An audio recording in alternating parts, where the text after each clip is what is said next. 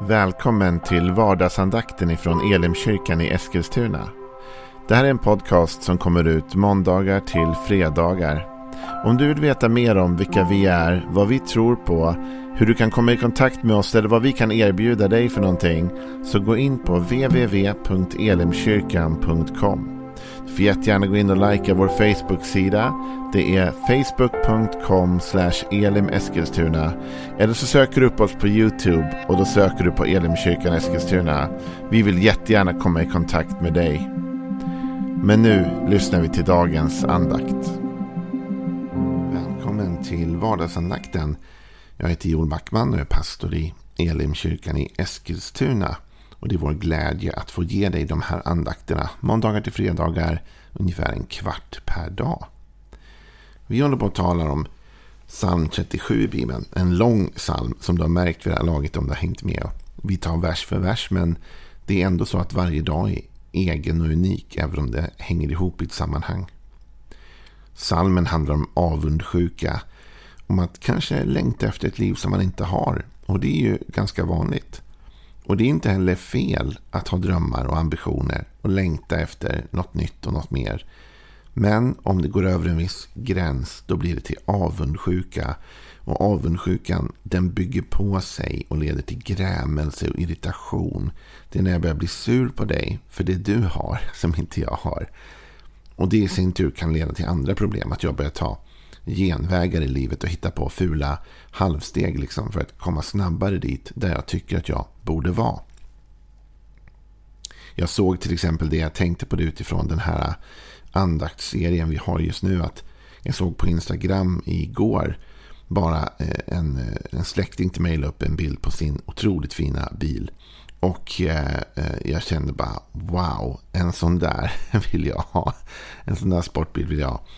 Och, eh, men det är inte avundsjuka. För det är inte så att jag känner att jag måste ha den, jag måste ha den nu. Och, och jag, jag ska göra vad som helst för att få den. Utan det är mer en längtan. Och en sån där skulle jag i framtiden kunna tänka mig att ha. Det är en fin balansgång. Och det gäller att hitta rätt perspektiv.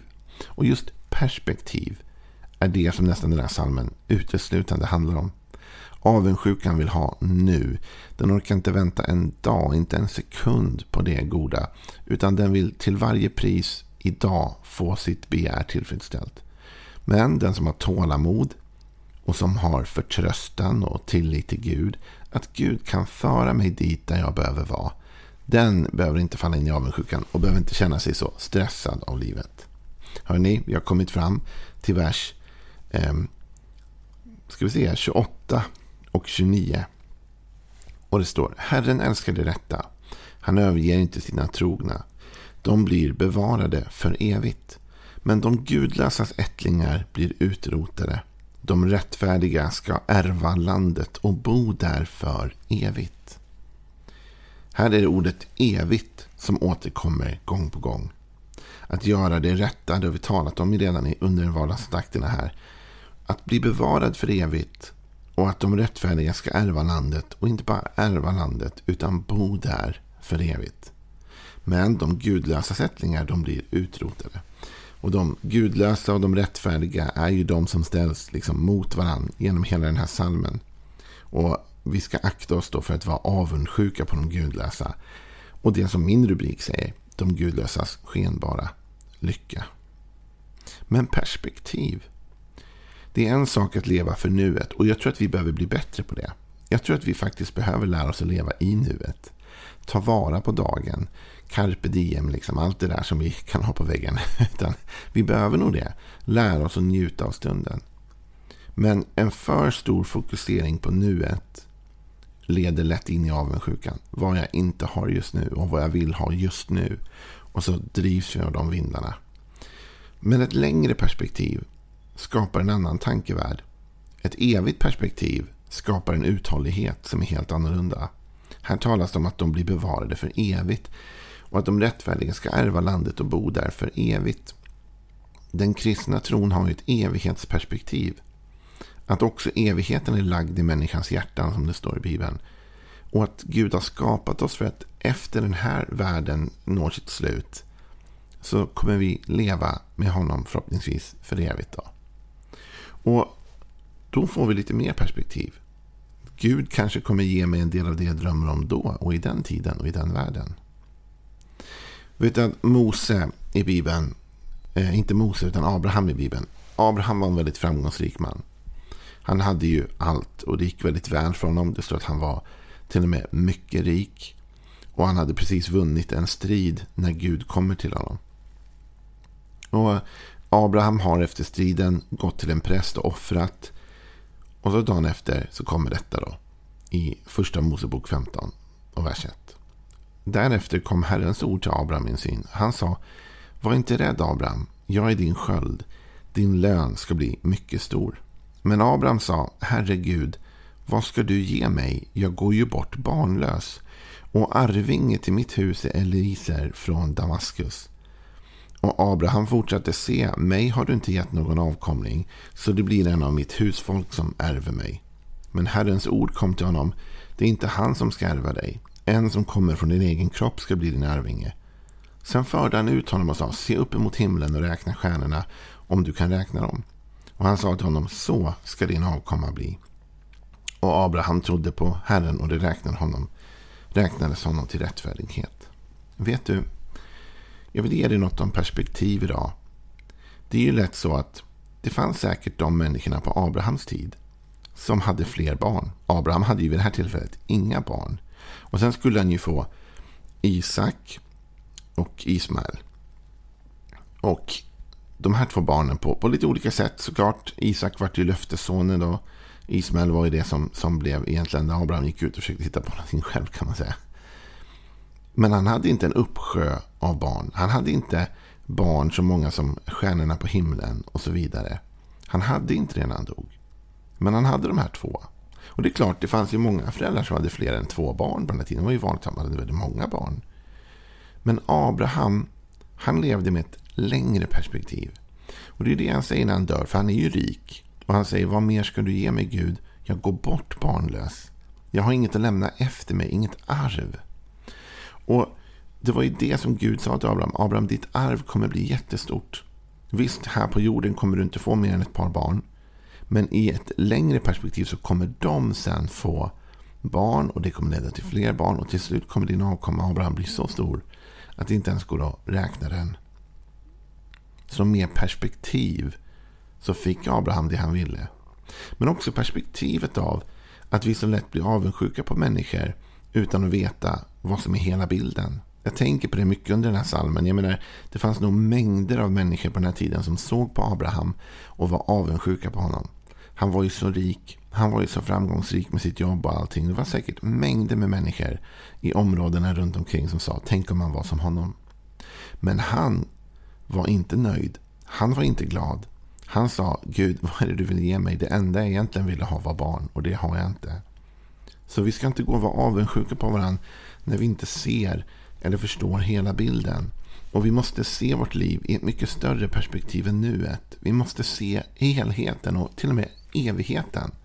Till och med Abraham, när du är död, kommer ditt arv fortsätta att växa och ditt minne bli till välsignelse och du kommer vara välsignelse för hela världen. Och någon gång om flera tusentals år så kommer det sitta en lirare i Eskilstuna och prata om dig, Abraham, och det liv du levde. Det är väl någonting man skulle kunna önska och drömma om. Vet du, Ordspråksboken 10 och 7 säger Den rättfärdiges minne blir till välsignelse.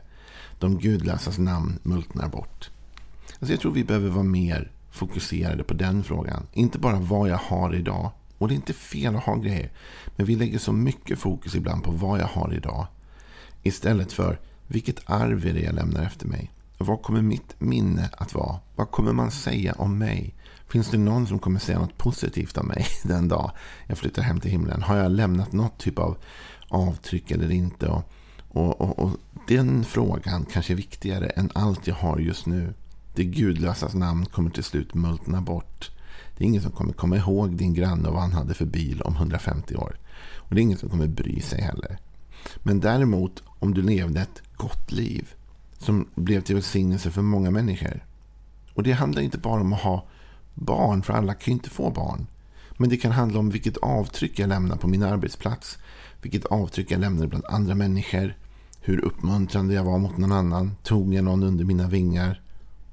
Kanske du tänker så här, men jag är äldre nu och Jag har nog inte gett något avtryck, men det är inte för sent. Hitta någon ung person som du kan uppmuntra, stödja, som du kan ösa in av din livserfarenhet i. Så att ditt minne blir bevarat. Det är värt mer än vad avundsjukan vill ha i stunden, så att säga. Det rättfärdigas minne blir till välsignelse. Jag hoppas den dagen jag dör och flyttar hem till Herren att man ska tänka på mig som en välsignelse. Att det ska vara positiva tankar om vem jag var och det arv jag lämnade efter mig. Paulus han var väldigt eh, han la väldigt mycket vikt vid detta. Just vad som fanns kvar efter honom. Eh, och eh, eller, nu säger jag Paulus, men jag tror faktiskt att jag menar Petrus här. Jag ska inte säga Paulus. Andra Petrusbrevet va. Så talar Petrus om, om frälsningen och han talar om att de ska jobba på den, befästa sin kallelse och utkårelse. Och så säger han efter det i första, eller i första, i, i andra Petrusbrevet 1. Andra Petrusbrevet 1 säger han så här. Och vers 12. Därför tänker jag ständigt påminna er om detta, trots att ni redan vet det och är befästa i den sanning som ni har. Jag ser det som min plikt att väcka er med mina påminnelser så länge jag är kvar i detta tält. För jag vet att jag snart ska lägga, mig, ska lägga av mig mitt tält. Det har vår Herre Jesus Kristus visat mig. Men jag vill göra vad jag kan för att ni också efter min bortgång alltid ska minnas detta. Ta den här sista versen igen. Men jag vill göra allt jag kan för att ni också efter min bortgång alltid ska minnas detta. Så Petrus, han hade ett annat perspektiv än bara nuet. Han ville leva på ett sånt sätt i nuet att det gav avtryck till och med när han var hemma i himmelen. Till och med när han hade lagt av sig det han kallade för sitt tält och gått vidare in i evigheten. Tänk på de här verserna vi läste i psalm 37 här nu på morgonen. Det stod att de rättfärdiga de blir bevarade för evigt. Och att de rättfärdiga ska ärva landet och bo där för evigt. Det finns ett evighetsperspektiv för dig och mig. Var inte så stressad. Utan det finns gott om tid, både nu och i evigheten. Och du och jag, vi måste inte ha allt på en gång. Utan lev ett liv medvetet som istället lämnar spår efter sig som andra kan följa. Lev ett liv som är värt att efterhärma. Lev ett liv som den dagen då du dör och flyttar hem till Herren så kommer folk känna som, som Joel var, så vill jag vara. Eller som den där personen är, sån vill jag vara. Lev ett liv där du lämnar ett gott arv efter dig. Och Det handlar inte så mycket om materiella saker bara som också att lämna efter sig det goda. Jesus han försöker få lärjungarna att ha fokus på rätt sak. Och han säger i Matteus, det sjätte kapitlet och den nittonde versen då i det som vi bland annat kallar för bergspredikan så säger Jesus eh, samla, inte, samla er inte skatter på jorden där rost och mal förstör och tjuvar bryter sig in och stjäl. Samla er skatter i himmelen eller i evigheten kan man säga. Där varken rost eller mal förstör och där inga tjuvar bryter sig in och stjäl. För där din skatt är, där kommer också ditt hjärta att vara. Så Jesus talar här om att, att lägga fokus på rätt sak på det som har evigt värde, inte bara värde i nuet. Och som jag sa i början, jag tror vi behöver bli bättre ibland på att njuta av nuet. Och jag tror att det är rätt att unna sig saker i nuet. Och jag tror att man ska finna glädje varje dag och ta vara på dagen. Jag tror faktiskt det. Och jag tror att det finns många saker som just nu idag kan förhöja ditt liv och din livskvalitet och ditt, eh, allt det där. Och du ska njuta av det och vara glad för det. Men tänk längre. Var inte bara avundsjuk på människ, människors tillfälliga grejer. Vad de har eller inte har. Utan tänk så här. Jag undrar vad de kommer säga om den personen den dagen de flyttar hem till Herren. Och jag undrar vad de kommer säga om mig den dagen. För det är kanske den viktigare frågan. Att leva ett hållbart liv över tid som lämnar spår efter sig som blir till välsignelse för andra människor. Den rättfärdiges minne blir till välsignelse Alltså man ska tänka och se att den här personens liv gav någonting gott för någon annan. De fortsätter kanske till och med att ge något gott för någon annan efter det att de har dött. Så det här är lite tankar från den här dagen. Jag tror att ju mer vi lever i det perspektivet, ju mer vi lever i ett långsiktigt perspektiv på livet och på tron, så kommer vi trycka bort avundsjukan. Vi kommer lyckas hålla distans till den på ett bra positivt sätt. Gud har ingenting emot att du har det goda. Gud har ingenting emot att du har framgång. Och Gud vill ge dig allt det där redan här på jorden. Men ännu viktigare än tillfällig framgång eller tillfälliga prylar som förmultnar och dör bort är eviga värden. Värden som håller, inte bara i den här världen, utan i nästa värld.